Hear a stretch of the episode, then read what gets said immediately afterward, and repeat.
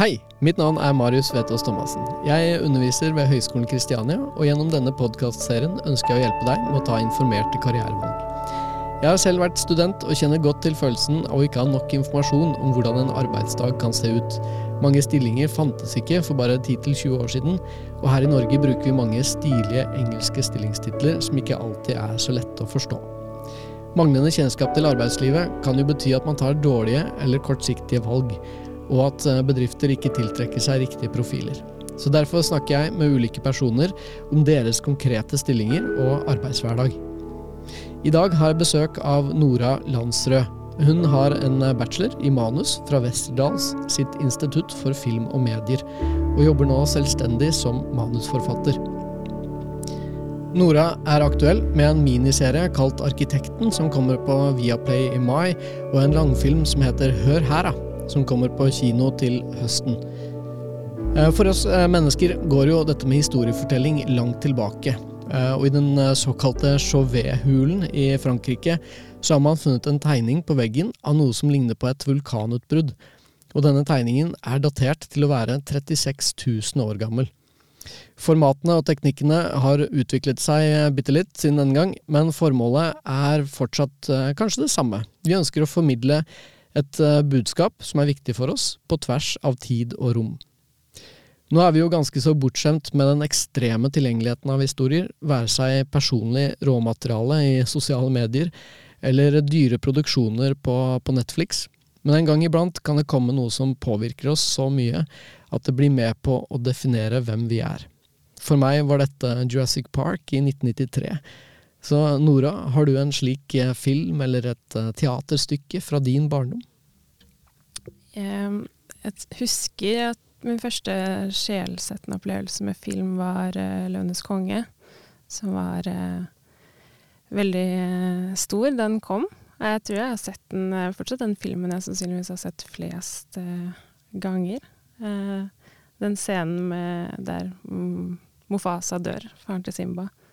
Eh, lærte meg tidlig å eh, konfrontere døden, tror jeg. Og har eh, hengt med meg veldig lenge. Men sånn med tanke på hvilke filmer som fikk meg til å ville bli manusforfatter, så var det filmer jeg eh, oppdaget i tenårene, da. Mm. Sånn, The Royal Tenenbounce av Wes Anderson husker jeg var noe helt annet enn det jeg hadde sett tidligere. Om måten karakterene snakket med hverandre og var så kreativ og rar. og ja, og sånn taxi driver, og da begynte jeg liksom å dykke litt dypere ja. ned i Taxi driver også, ja. ja og da er vi tilbake til 70-tallet, er vi ikke det? Ja, da er vi tilbake til 70-tallet. Uh, eh, Robert De Niro eller Al Pacino? Jeg husker aldri. Robert De Niro. Ja, De Niro, ja. Det er hans store, store gjennombrudd, er det ikke det? Det er kanskje det. Han gjorde 'Raging Bull', også en Scorsese-film før det. Men det var kanskje 'Taxi Driver' som virkelig satte han på kartet. Ja. Det kan være, men det var gateway drug-in inn til mye Scorsese, og ja, så vokste bare verden ja, yeah. etter det. Så du mye film som uh, ung? Eh, ja, jeg så mye film som barn vanligvis ser, holdt jeg på å si, eh, da jeg var barn, liksom. Men det, jeg kom i tenårene, så var det Og jeg ble liksom flinkere på internett og Jeg hadde en Tumbler hvor det var mye filmer som ble delt, og man liksom ja, eh, ble med i et slags filmsamfunn på internett, da, hvor du oppdaget mye filmer og sånn. Så da så jeg mye film, og leste mye bøker, og det har liksom alltid vært min interesse. Ja.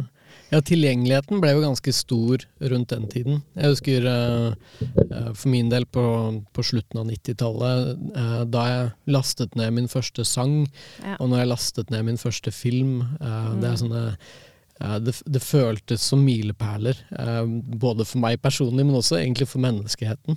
Hvor tilgjengelige ting plutselig var. Jeg husker da man var barn, så var det jo videoutleiebutikker som ja. man måtte gå til. Som ofte var sånn videoutleiebutikk og kebabsjappe i samme ja. bygg eller noe sånt. Som pappa liksom kjørte til, og vi leide filmer og så de mange ganger fordi vi måtte levere de neste dag. Mm. Uh, men jeg husker også når man kunne begynne å laste ned filmer og Før alle filmer så kom det alltid sånn 'Piracy is a crime', yeah. sånn superdramatisk eh, eh, video. Oh, You won't wouldn't steal a car. Yeah, der. jeg Og man satt litt sånn med hjertet i halsen og tenkte sånn 'Å, gud'. Nå kommer liksom FBI og slår inn dørene hvert øyeblikk. Det var litt Mm. spennende at det føltes litt ulovlig også. Men, eh, men nå har vi strømmetjenester og sånn, så nå kan vi jo se film på lovlig vis. Ja. Mye forskjellig, heldigvis. Ja, ikke sant. Um, uh, apropos bare, uh, var du av typen som leide den samme filmen om igjen og om igjen? Uten, at man kjøpte aldri filmen, man bare gikk og leide den Ja, ganger? ja. Vi kjøpte veldig sjelden filmer. Det var, jeg kunne også leie, Da var det mye komedier og sånn. Ja. Du vet de Judd Apatow-komediene som kom på den tiden og sånne ting. De så jeg veldig mye. Jeg har sett veldig mye sånne type komedier. komedier. Og sånn Step Brothers og Anchorman. Ja, De Anchorman. McKay-filmene og sånn. Will Ferrell, er det det? Mm. Ja. Han er også i Step Brothers. Mye av de I Love You Man og Forgetting Sarah Marshall. Og det var liksom en sånn eh, gullæra av Mm. komedier da jeg var ung, som jeg har sett så veldig mye. Som også er eh, definert. Jeg ville jo først skrive komedie da jeg begynte i denne bransjen. Og det er Ja. mye av de komediene som jeg så igjen og igjen som, som ba barn. da. Ja, som inspirerte deg. Ja. Ja, ikke sant. Uh, når, når skrev du din første uh, så, uh, hi- Det er jo forskjell på historier og manus. Eh, ja. Så en, ja, eh, manus har jo replikker, rett og slett. Rett og slett. Og sceneanvisninger og alt, eh, alt sånt. Jeg har et oppsett. Ja. Når skrev du din første historie, og når skrev du ditt første manus? Jeg, eh, min første historie, det var nok ganske tidlig, altså. Eh, jeg husker at jeg lagde mye tegneserier som barn. Og det er jo litt filmatisk, på en måte. Det er jo visuelt. Det er litt som et storyboard som man bruker på film, ikke sant. Og jeg kunne se tegneserier, jeg er veldig opptatt av Looney Tunes og sånne ting. Og så en spin-off som heter Duck Dodgers, hvor uh, Daffy Duck er en uh, romkadett som må kjempe mot Mars-sporet. Og da husker jeg lagde en spin-off-tegneserie med dronningen av Mars, som var med i den tegneserien på TV. Som jeg syntes var veldig kul. Og hun fortjente sin egen serie, liksom. Så da lagde jeg liksom egne tegneserier og sånn, da. Så det holdt jeg på med for å underholde meg selv som barn. Og så skriver man jo historier på skolen og sånn. Noveller og sånne ting. Ehm, og min første, liksom, min første manus var faktisk i femte klasse på barneskolen. Det husker jeg veldig godt. For da hadde vi sånn Vi skulle lage TV-program, hele klassen, og bidra med hver våre ting. Så da skrev jeg en sånn sketsjaktig eh, greie som jeg spilte selv med noen venninner. Og det var liksom et Det var ikke et ordentlig manus med de riktige formateringene, da. Og Mm. den fonten, skrivemaskinfonten som man bruker og sånn, men eh, Midtsentrert. ja, midtsentrerte. Det var, men det var replikker, og det var sceneanvisninger, og det var liksom det man trengte, da. Mm. Eh, I femte klasse. I femte klasse på barneskolen. Og da husker jeg at jeg liksom tenkte Jeg, var, jeg satt opp, eh, skulle egentlig legge meg satt opp på kvelden og tenkte det her er genialt, liksom. Dette Når jeg ser på det nå, så var det ikke nødvendigvis genialt. Men, eh, men da fikk jeg kanskje den eh, lidenskapen for å skrive ting og skape historier og dikte opp ting. og Ja. virkeligheten er litt kjedelig, så man spicer opp litt. Og jeg likte å være morsom, da, husker jeg. Skrive litt morsomme ting. Ja. Ja. ja um men eh, det å drive med historiefortelling eh, og film og, og teater og alt sånt, det eh, En måte man kan bidra på, er jo å skrive. Men man, kunne jo, man kan jo regissere. Man kan Mm. spille selv. Mm. Eh, eh, skjønte du veldig tidlig at det var den derre å jobbe med tekstretningen som var riktig for deg? Var det på en måte bare det som gjaldt for deg, eller vurderte du andre, andre ting innenfor det domenet som handler om historiefortelling? Eh, nei, jeg skjønte vel veldig tidlig. Jeg har alltid vært en litt sånn eh, innesluttet, eh, usosial person som liker å være alene. Så min drømmejobb var jo å kunne sitte hjemme på rommet mitt og jobbe, liksom. Det var Helt alene. drømmejobben? Det var drømmejobben. Ja. Jeg hadde en venninne som moren hennes var sånn oversetter, hun drev og tekstet TV-serier og sånn. Så hun kunne sitte hjemme på PC-en sin hele dagen og bare jobbe med tekst. Og jeg husker jeg tenkte at det er drømmen. Eh, Men jeg likte også å skape historier, da, ikke bare oversette ting. Så, da, så det har alltid vært liksom en tanke om at jeg har lyst til å være helt alene, jobbe alene. Eh, sitte med mitt Eh, og ikke bli forstyrret, på en måte. Og det kan man jo ikke gjøre i noen av de andre fagfunksjonene som gjelder film. Ja. Eh, og det kan man jo ikke helt gjøre som mannsfatter heller. Man må jo i møter, og man må jo forholde seg til andre folk. Men eh, det har vist seg å bare være hyggelig, heldigvis. Eh, men ja, det var sånn veldig tidlig. Men jeg drev og lagde mye kortfilmer og sånn med venner. Vi hadde sånt digitalkamera hjemme. Ja. Og da var det ofte jeg som var eh, Som tok litt sånn kontrollen regimessig og sånn, og drev og klippet det på Windows Movie Maker eh, på PC-en. Og jeg husker vi lagde sånn reality-serie som var inspirert av Farmen. Eh, vi hadde en eh, lavvo eh, hjemme hos meg. Hvor hver gang en karakter ble stemt ut, så måtte de gå ned et langt jorde alene, og så la jeg på sånn sepia-effekt. Og så måtte jeg ha en trist sang, da. Og så var det På den tiden så hadde vi bare få fåtall sanger på PC-en.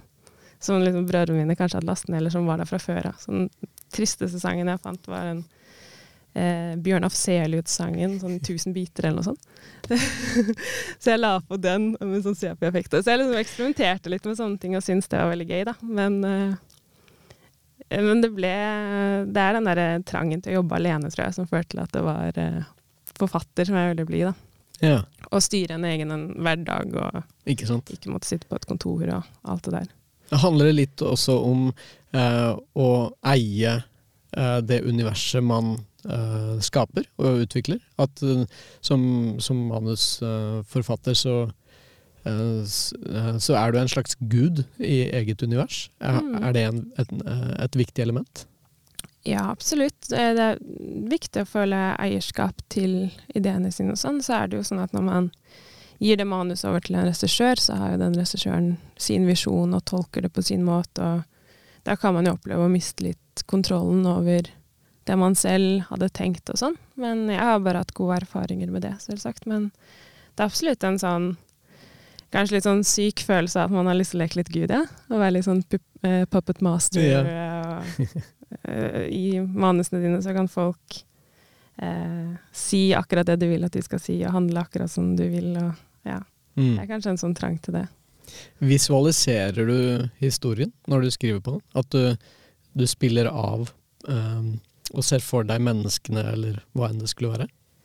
Det varierer litt. Det er enkelte karakterer hvor jeg ofte ser for meg en skuespiller. Sånn, Ja. sånn for å ha et fjes, på en måte. Og eh, det kan gjøre det enklere.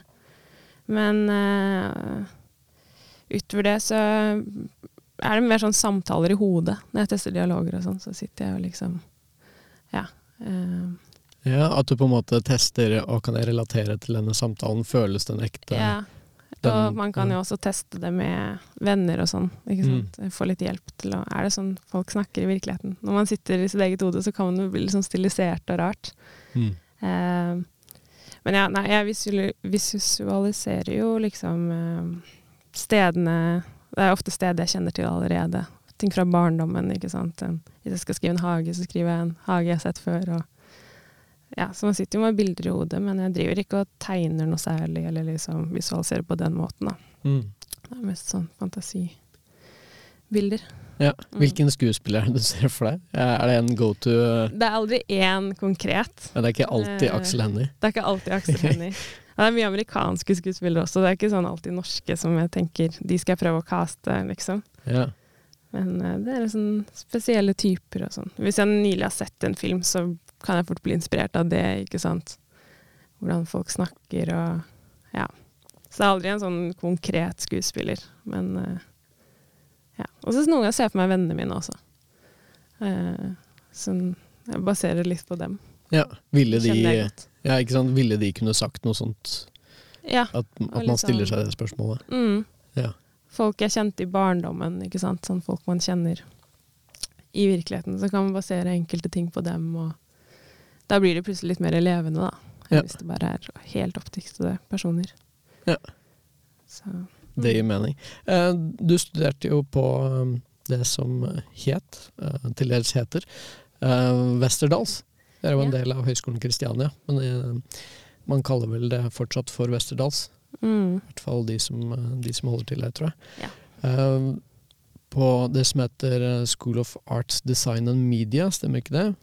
Eh, Institutt Mm. for film og medier. Mm.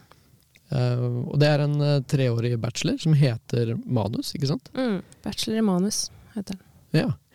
Uh, hva var favorittfaget ditt? Oi. Vi hadde jo mye forskjellig, men jeg likte veldig godt de helt sånn praktiske fagene. Vi skrev TV-serie. Det var en ting, med, i grupper. Og bacheloroppgaven var jo å skrive et filmmanus. Så det var jo først og fremst de hvor man kunne skrive mye, og dele tekster, eh, egentlig. Men så hadde vi også et fag som het film, eh, som, ja, filmhistorie, hvor vi så veldig mye film fra tidenes morgen. Som var et fellesfag med de andre, eh, andre studieretningene, som de som studerte regi og alt det der. Eh, det likte jeg veldig godt. Sette meg inn i filmhistorie fra tidenes morgen. Liksom. Ja, det skjønner jeg godt. Eh, det var luksus. Har du en eh, pre-1950-favorittfilm? En pre-1950-favorittfilm? Ja. Eh, 'Sykkeltyvene'. 'Bicycle Thieves'. Den Ja. kom vel på 40-tallet. Nå noterer jeg for meg selv. jeg. Ja. Det er en italiensk eh, film. Ja. Eh, om en mann som ikke eh, Etterkrigstid, og barna er sultne og kona er sulten, og han prøver å få seg en jobb, og så trenger han en sykkel. For det er sånn Han skal henge opp plakater rundt om i byen. Han må ha sykkel. Å, og så blir sykkelen hans stjålet. Og da mister han jo levebrød, livsgrunnlaget, alt sammen. Så filmen er egentlig bare han og sønnen som prøver å finne igjen den sykkelen.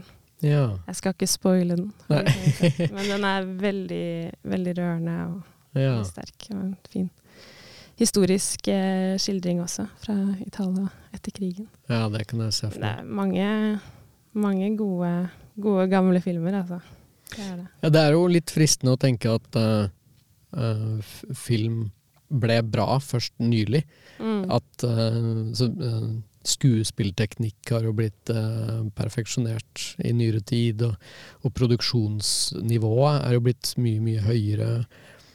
Eh, og hvis man ser uh, så enkelte sånne film noir-filmer, som er noe jeg er veldig glad i, da, fra uh, gamle dager, de, de er jo veldig rotete. Mm. Og du vet ikke hvem som er hvem til slutt, og det er, bare, det er fullstendig kaos. Mm. Du sitter bare og ler noen ganger.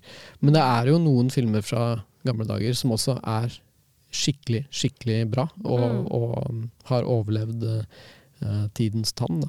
Mm. Absolutt. Mye sånne gamle screwball-komedier og sånne ting. Ja, Hva er det for noe? Mm. Screwball-komedie? Det er eh, en eh, mann og en dame som krangler og prater veldig fort med hverandre, som regel. Det er eh, veldig sånn snappy, kjappe, morsomme komedier hvor det ofte er ja, mann og dame og kjønnsroller som settes mot hverandre, og sånn sånn gammeldags eh, yeah.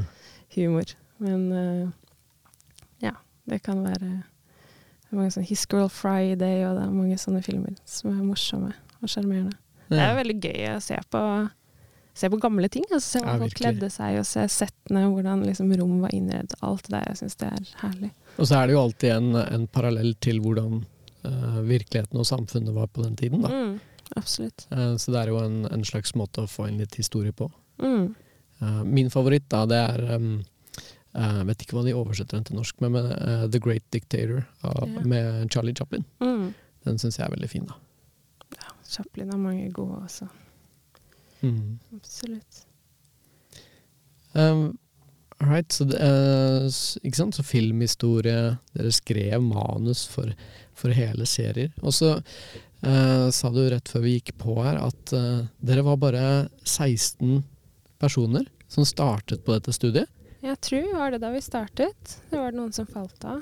Og så var vi vel 12-13 stykker da vi gikk ut. Men Ja. vi var en liten gjeng som ble veldig godt kjent i løpet Ja. av tre år. Det var veldig fint klassemiljø eh, i klassen. Det er jo Den første uken på Østerdals så hadde vi eh, en lærer som heter Aksel Hellestenius, og han eh, ba oss om å skrive tekster. Da var det sånn vi fikk 15 Eller vi visste aldri hvor lang tid vi hadde. Vi skulle bare skrive nonstop om et tema.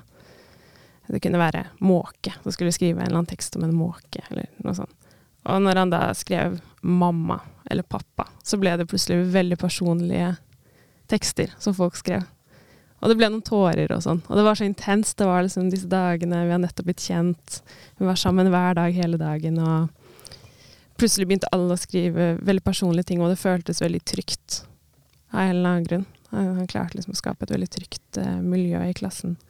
Og vi delte ting som mange ikke hadde delt med egne venner engang, på en måte. Mm. Uh, så det satt på en måte tonen for de neste årene, at vi uh, ble glad i hverandre, selv om vi var ulike på mange måter. Men alle hadde kvaliteter som man satte pris på. Vi visste mye om hverandre. Ja, det var et veldig fint klassemiljø. Ja. Man blir godt kjent når det er så få. Følte du at du ble bedre kjent med deg selv i løpet av de tre årene?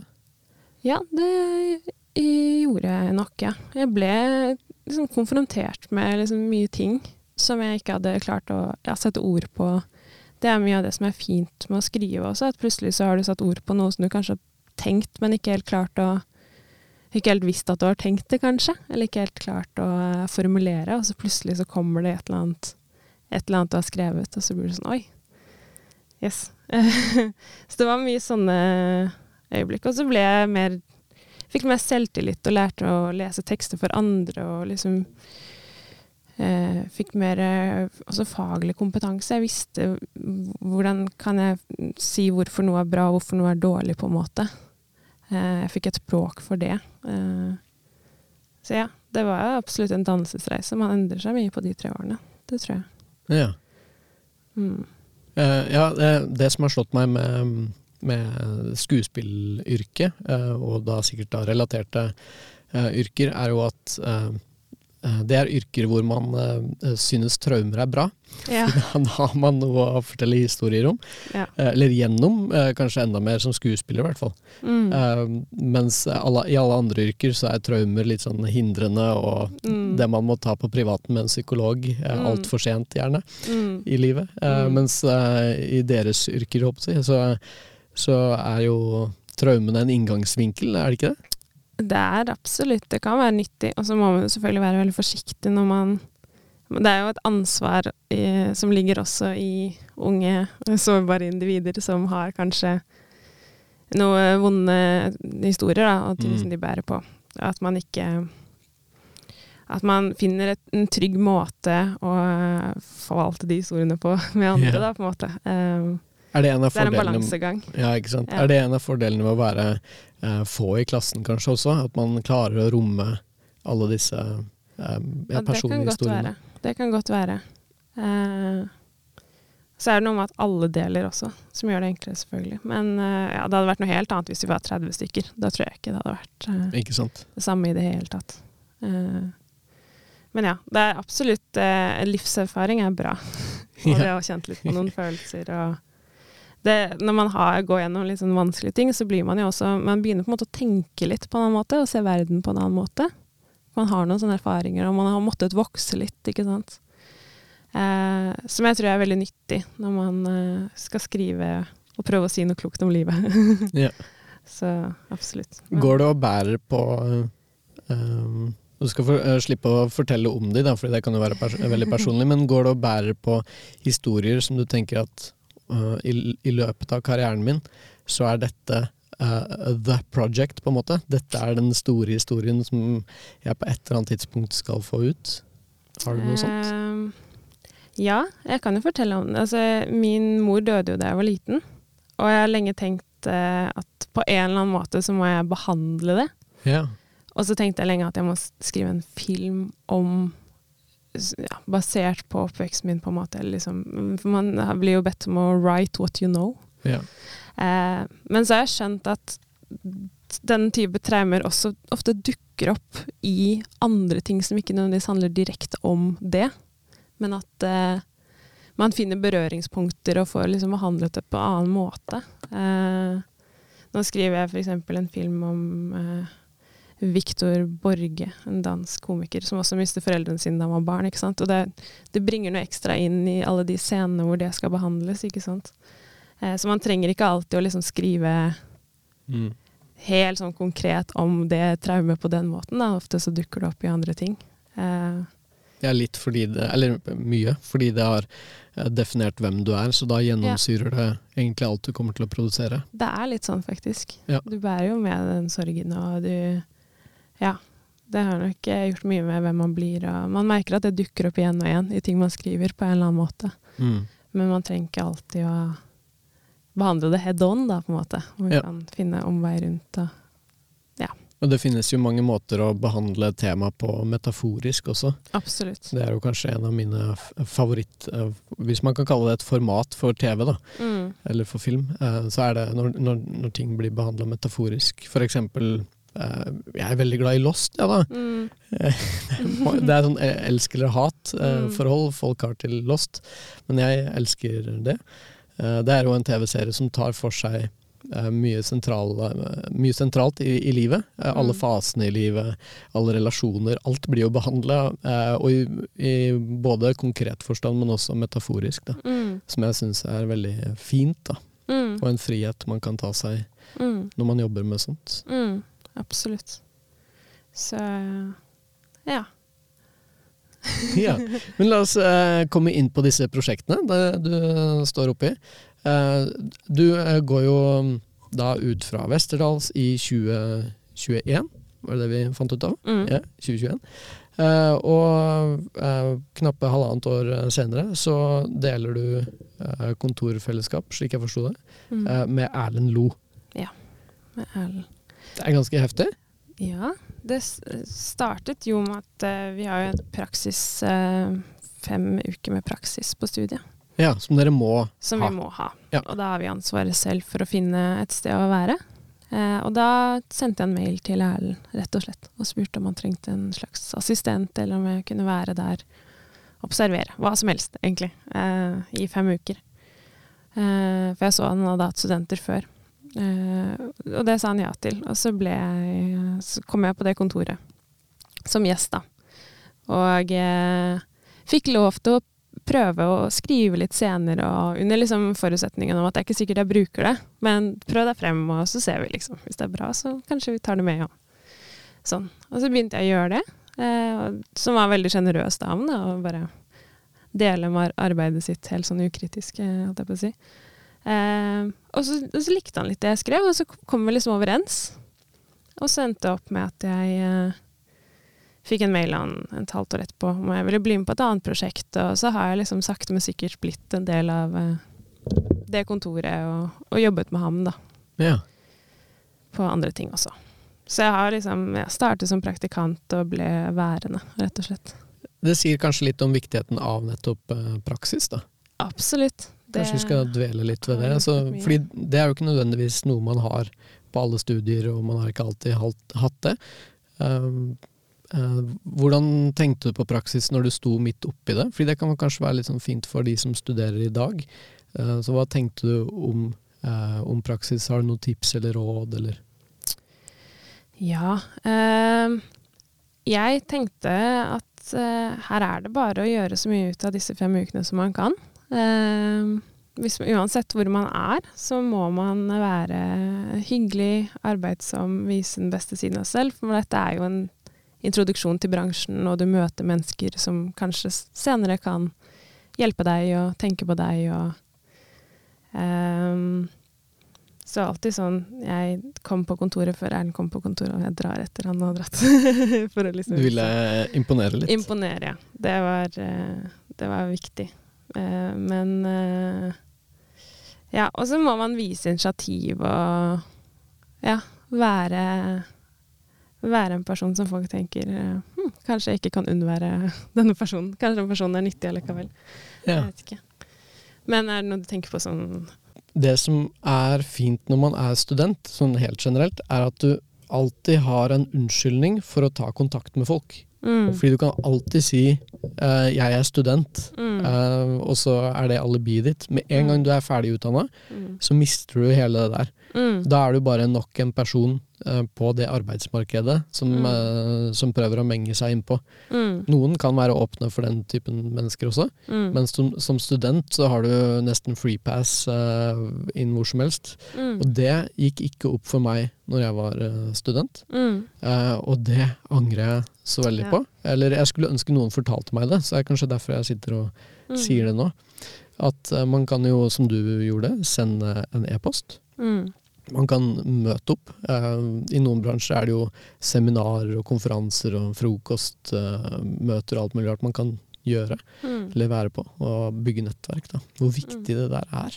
Ja, det er et veldig godt poeng, faktisk. Eh, det er jo det å vise initiativ ja, og gjøre seg synlig Ja. blant folk, og ta kontakt og si hei og uh, I vår bransje så er det jo Det er litt vanskelig også, for det er ikke alle som har lyst til å ha studenter og sånne ting. Man må plutselig kanskje betale dem. Kristiania syns det er fint at de får betalt og sånn. Det er veldig bra. Men da merker man at noen får litt sånn kalde føtter plutselig.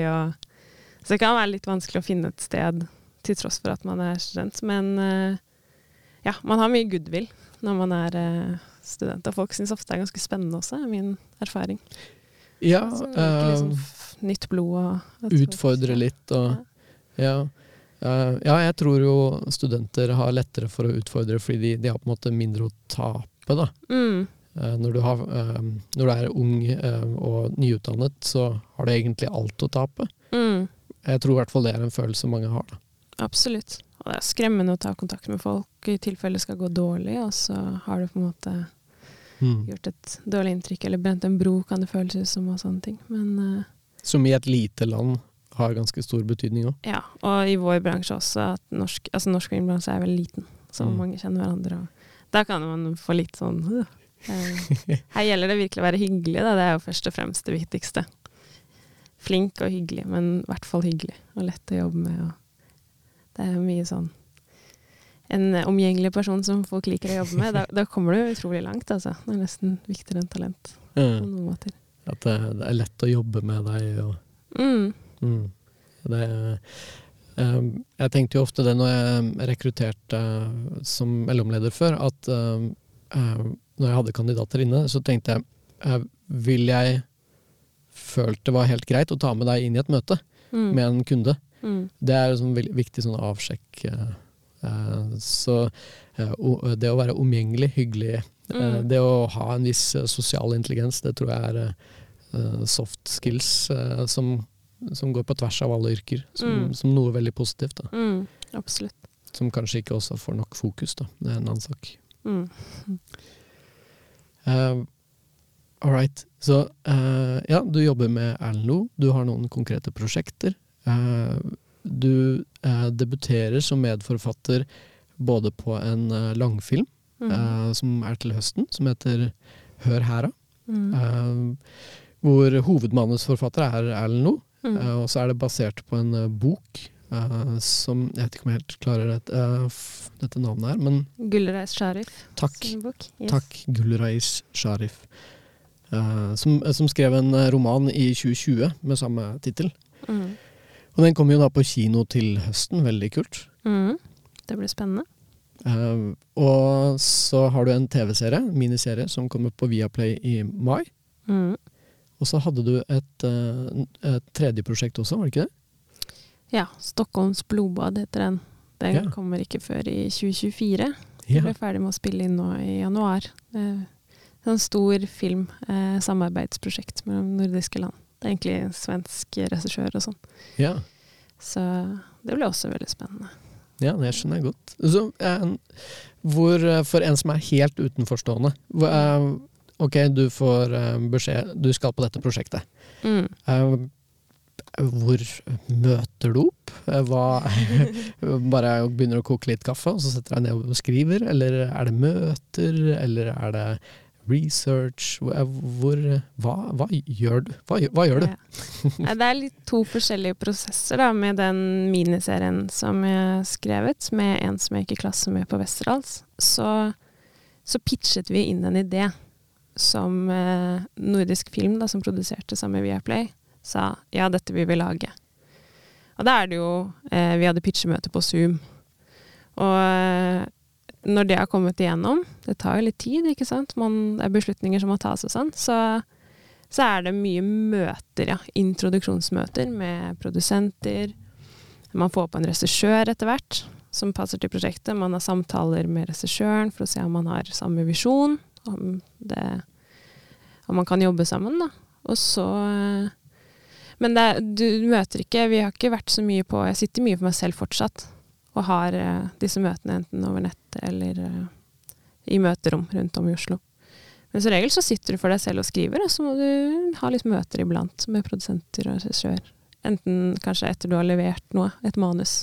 Ja. Så er de tilbakemeldinger og sånn. Så har man sånne møter.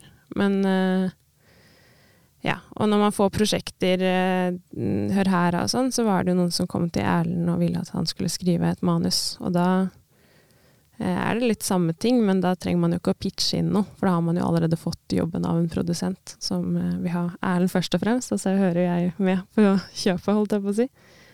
Det er, men det er, fortsatt, det er fortsatt møter og ja, sånne ting. Men sitter, jeg sitter alene på kontoret mitt og skriver fortsatt. Ja. Selv om jeg jobber for forskjellige produksjonsselskap, da. Ja, ikke sant. Jeg sitter sjelden på de produksjonsselskapene. Mm. Men det varierer. Det er noen som gjør det også. Eh, ja, så det er noen som sitter inn. Jeg har ja. venner som utvikler TV-serier på produksjonsselskap, på en måte. Ja. Det er veldig forskjellig. Det er veldig varierende arbeidshverdag. Eh, hvis man jobber i NRK ja. som mannsfatter, f.eks., så ja, jobber man jo på NRK-huset hver dag og er en del av det å få fast lønn og ikke sant. Men det høres ut som du trigger litt på det at det er eh, variert på den måten? At, eh, ja, ja. at du har den selv, eh, selvstendigheten og Veldig. Jeg syns det er kjempedeilig.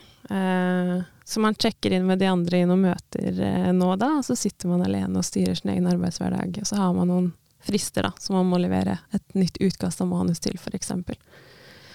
Så kan man Det har hendt at vi på kontoret har dratt på kino midt på dagen for å se en film.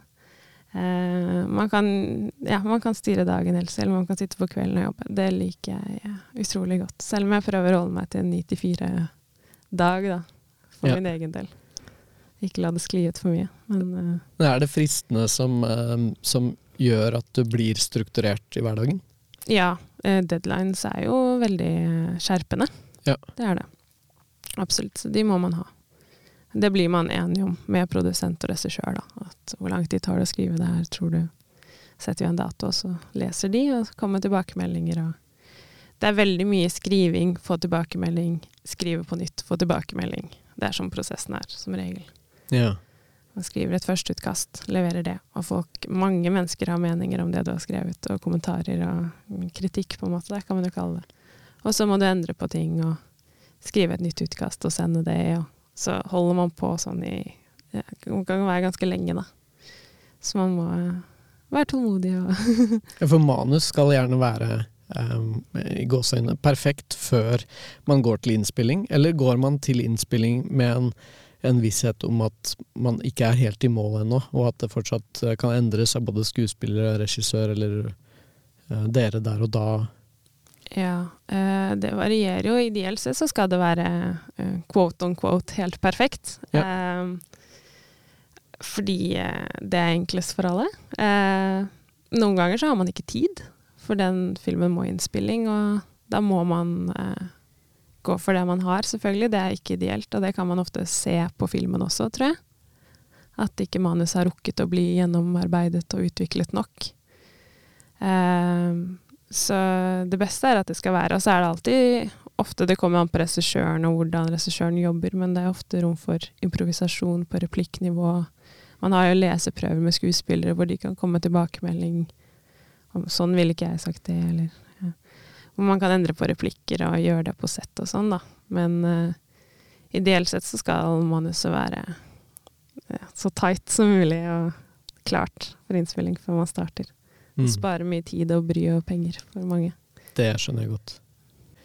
Uh, så denne uh, miniserien som kommer på i, i mai, uh, mm. hva handler den om? Det handler om en arkitekt, praktikant, som må flytte i en parkeringskjeller i Oslo sentrum. Vi er i litt sånn fjern fremtid, hvor boligkrisen har gått helt bananas. Uh, og man har begynt å bygge leiligheter i parkeringskjellere.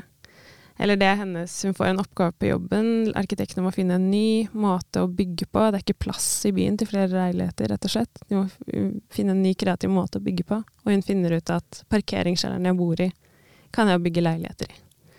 Så kommer hun i et dilemma, for det bor jo andre mennesker der allerede, som blir kastet ut og sånn, så hun eh, eh, ja, må velge litt mellom eh, vennskap til de i parkeringskjelleren og jobben og karrieremuligheter. Men eh, det var en serie som er uh, Ideen fikk jeg uh, da jeg uh, hadde bodd i kollektiv en stund og hadde lyst til å bo alene.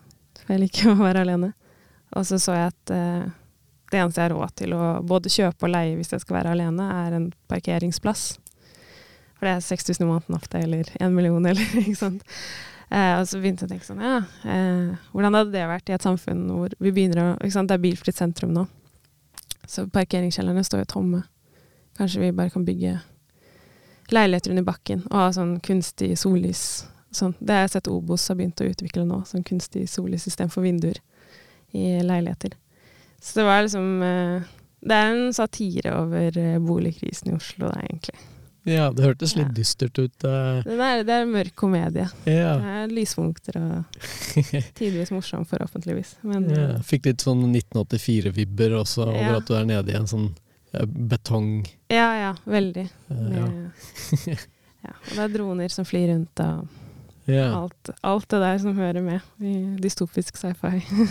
ja. Men på lavbudsjett, da. Ja, gøy. Mm. Kult, og det kommer i mai. Jeg har jo Viaplay, så det, det skal jeg prøve å få med. um, jo, og så har den jo verdenspremiere i Berlin Ja, ikke sant? Eh, i februar nå. Så det er da den vises for første gang. Ja, Og det er en, en slags uh, festival, eller en Det er ja, Berlinalen, filmfestivalen i Berlin. De har mm. en egen TV-seriedel ja. som heter Berlinale Series. Uh, som vi har blitt uh, valgt ut til og skal vise der. Så da fikk den premiere tidligere enn vi trodde. men det blir veldig gøy å vise det til et tysk publikum. Vi tuller litt med Tyskland i TV-serien også. Det er liksom, ja, Tyskland det. er det er der liksom de alltid ligger foran på trender, og der bor allerede alle under bakken og sånn. I Berlin der har de fingeren rimelig godt på pulsen, er det en som sier. Så kanskje de blir litt eh, sjarmert uh, av det, jeg vet ikke. At uh, vi tuller litt med dem. Men uh, Så vi skal ned dit i februar, og det blir veldig gøy å vise serien for første gang. Ja, Det høres jo veldig gøy ut. Mm. Jeg kan jo se for meg at det er litt rart når dere jobber over så lang tid med et prosjekt. Mm og så skal det endelig lanseres, og ikke bare det, men det, det lanseres på en plattform som mange bruker, og på en, mm. Eh, en sånn type tilstelning hvor det er mye folk, og det er, det er i utlandet. Og, eh, mm. Det må jo føles veldig viktig? Ja, det er jo det er første gang vi opplever det her, jeg og han jeg skriver med og sånn. Så for oss er det veldig spennende. Og dere studerte jo sammen også? Vi studerte sammen også. Ja og utviklet altså, ideen sammen, da. Eh, mens vi fortsatt gikk på studiet. Uh, det er veldig spennende. Det, blir, det, er rart å se noe på skjermen og se folk si ting som du har skrevet. Og, det er jo underlige saker. Noen ganger så kan det jo være litt sånn pinlig, eller sånn flaut. Litt sånn som skuespillere syns det er ubehagelig å se seg selv spille på skjermen. Jeg føler det er litt, Man begynner å kritisere sitt eget arbeid og sånne ting. Men uh, mest av alt så er det spennende, ja. Absolutt. Mm, og en slags sånn eh, et, et klimaks da, i en, eh, en, relasjon som dere har bygd opp gjennom studiene og så ut i arbeidslivet, og mm. lager noe sammen. Det må jo være veldig spesielt å være mm. på en sånn reise sammen. Mm. Det føles ut som vi eh, ja, knytter enda tettere bånd rundt det her. At vi begge får gjøre noe som er så stas som å reise til Berlin og vise den serien. Absolutt.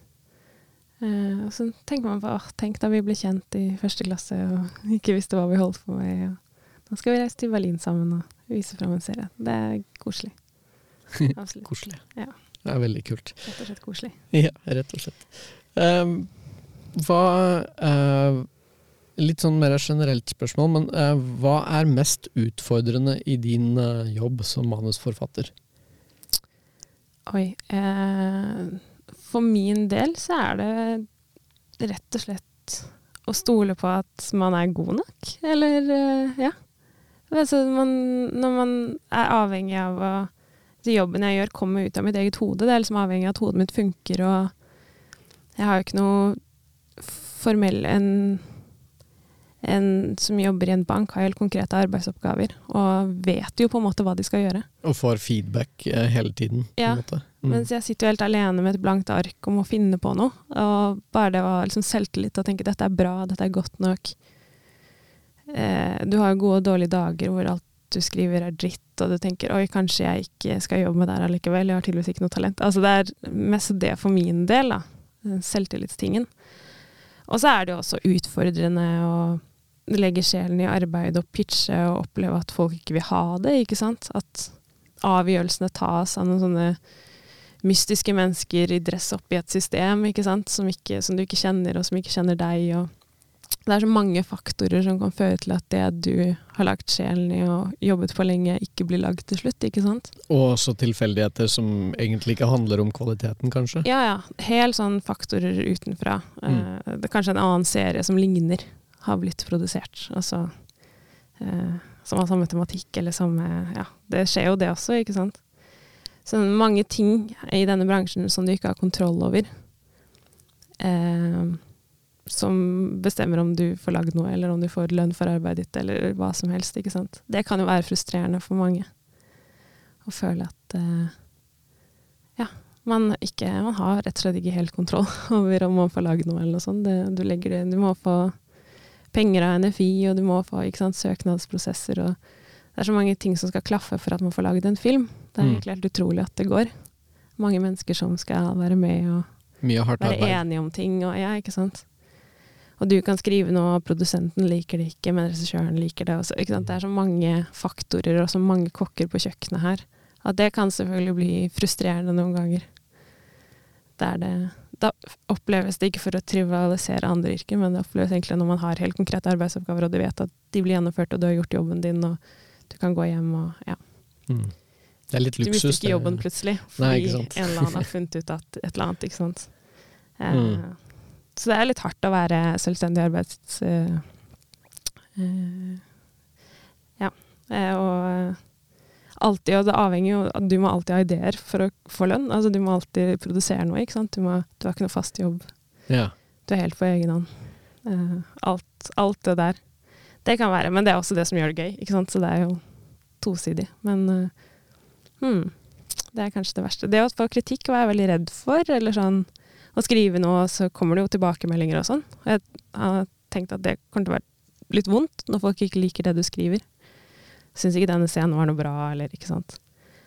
Men det er sånn man blir veldig fort vant til. Man blir nesten litt sånn eh, At du vil ha det. ja, det, det gjelder. ofte så er det jo gode poenger også. Mm. Men eh, ja, det er sånn, da man var student og sånn, det var det som var mest skummelt. Lese høyt for andre, at andre skal mene om det. Eh, føle at selvtilliten får liksom et par hakk, ikke sant.